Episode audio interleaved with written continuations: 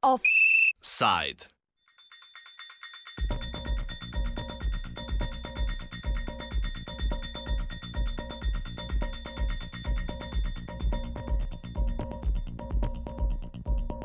V offsetu obravnavamo vročo temo o ustavni spremembi referendumske ureditve.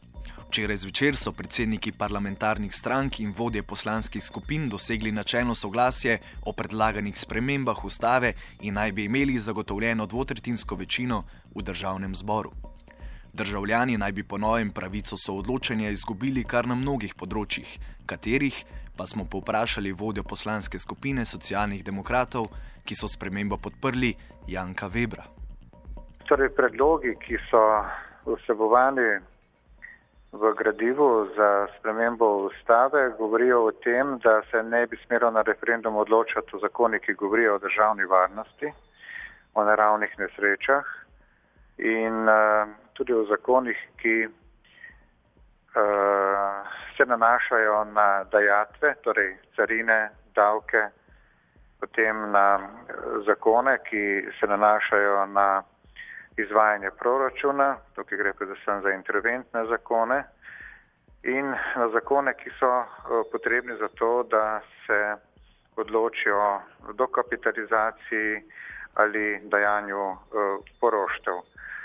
Skratka, to je ta fiskalni del, če ga tako imenujem, potem pa seveda vsebuje ta eh, sprememba za ustavo tudi uh, zakone, ki se nanašajo na človekove pravice ali temeljne svoboščine.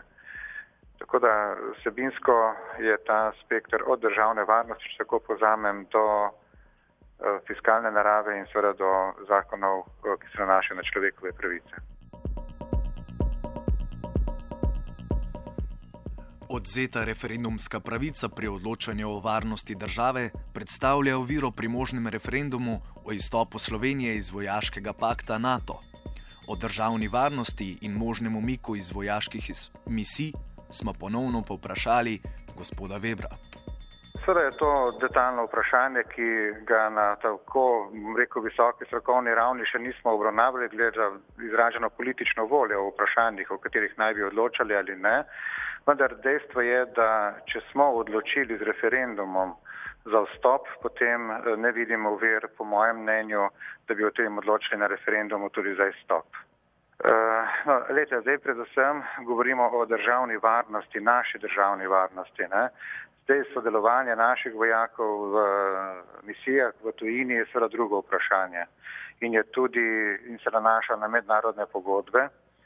Eh, te mednarodne pogodbe imajo seveda poseben status tudi po našem pravnem redu do sedaj in eh, tudi glede teh mednarodnih pogodb seveda ni mogoče razpisovati referendum, ker je to um, presega ne nazadnje tudi možnost uh, samostojnega odločanja, kajti ko vstopiš v neko organizacijo, seveda si prevzel tudi neke skupne Eh, predpise in odgovornosti za izvajanje nalog. Eh, možno pa je, kot sem povedal, če se z referendumom odločimo za neko zadevo, da pristopimo, da seveda pozneje tudi v določenem roku ne, se izpelje tudi postopek za izstop iz tega, vendar konkretno o tem, da bi odločali o varnosti v drugih državah, pa seveda ni mogoče odločati na referendumu v Sloveniji. Referendum omejuje opozicijo pri razpisovanju referenduma, saj po novih sprejetih predlogih referendum ne bi morala, morala razpisati tretjina poslancev ali pa državni svet, kot je bilo to do sedaj. Državni zbor bo lahko razpisal referendum na lastno pobudo, ostaja pa tudi možnost, da ga slednji razpiše na pobudo 40 tisoč podpisov državljanov. A hkrati predlogi uvajajo spremembe na področju veljavnosti referenduma. Kvorum za sprejetje referenduma po 35 odstotkov volilnih udeležencev, kar pomeni, da bo za veljavnost referenduma potrebna minimalna udeležba voljivcev. Med nasprotniki uvedbe 35 odstotnega kvoruma za veljavnost referenduma je tudi Nova Slovenija, ki sicer ustavne spremembe referendumske zakonodaje podpira. Govorili smo z vodjo poslanske skupine Matejem Toninom. Tonin nam je pojasnil razloge, zakaj nasprotujejo 35-odstotnemu kvorumu za veljavnost referenduma, razložil pa nam je tudi osnovne namene referenduma, kot jih razume sam. Govori Matej Tonin.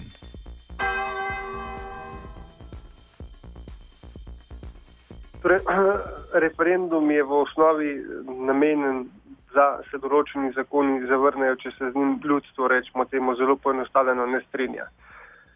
In uh, v vsaki referendumski kampanji so ključni argumenti za in proti.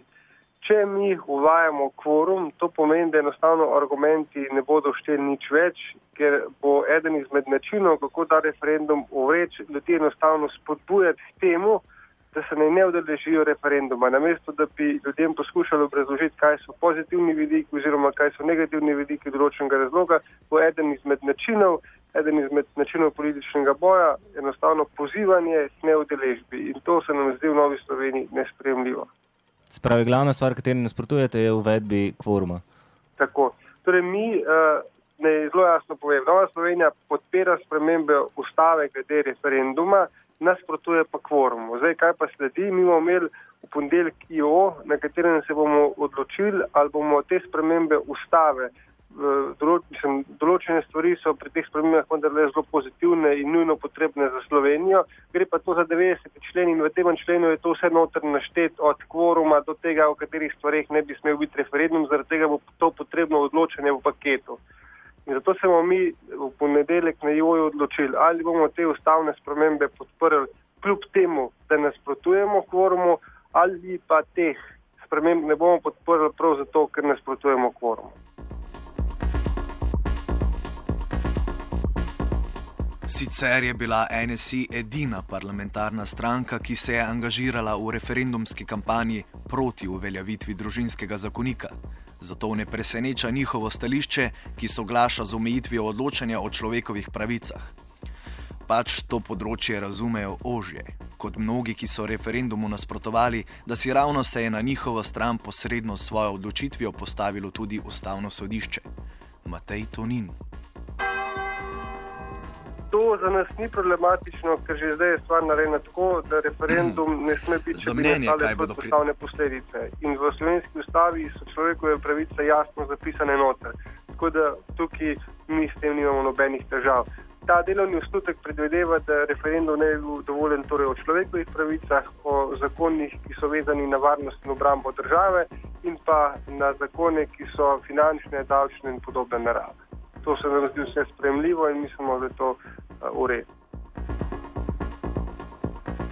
Za mnenje, kaj bodo prinesle ustavne spremembe referendumske zakonodaje, smo prosili Bojana Bugariča, predavatelja na pravni fakulteti v Ljubljani in strokovnjaka upravnega prava. Bugarič nam je podal oceno o načelnem soglasju glede ustavnih sprememb referendumske ureditve. Med drugim Bugarič meni, da v Sloveniji v primeru, da bodo ustavne spremembe glede referendumske zakonodaje v državnem zboru sprejete, ne bomo več imeli nobenega referenduma. Kot kaže, ne bomo imeli več referendumov v Sloveniji, to je najkrajša ocena predlagane ureditve.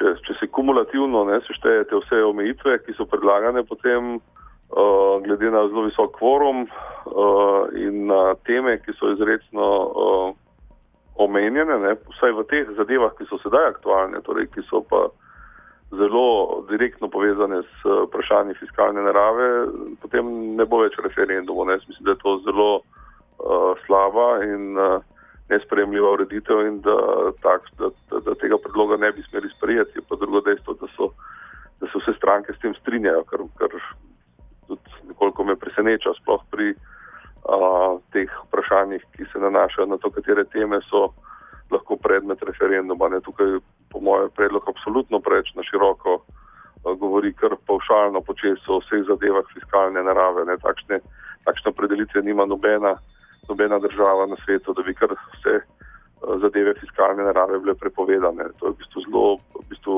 to je v bistvu zelo eh, protidemokratičen predlog. Ne. Uh, mene zanima predvsem, kaj, v, v bistvu, kaj vse se nanaša uh, glede teh fiskalnih vprašanj. A tukaj mogoče recimo Dušan Semlič opozoril, da uh, mogoče v prihodnosti bo to celo, uh, se pravi, iz strani uh, državljanov in državljank onemogočeno, se pravi, recimo o odločanju privatizacije šolstva, zdravstva in Tako, takih- tako, seveda, ker vsaka, tak, vsaka stvar, ki, je, ki, ki ima vsaj delno povezavo z vprašanjem uh, fiskusa, ne, to pa pomeni pač eh, vpliva na, na, na proračun, na denar države. Tako da točno te zadeve bi lahko tudi bile pol izuzete iz referendumu, ker bi bil argument, da to je pač fiskalna zadeva in o tem ne moramo imeti referenduma. Offside sta pripravila vajenec Maj in počivalšek.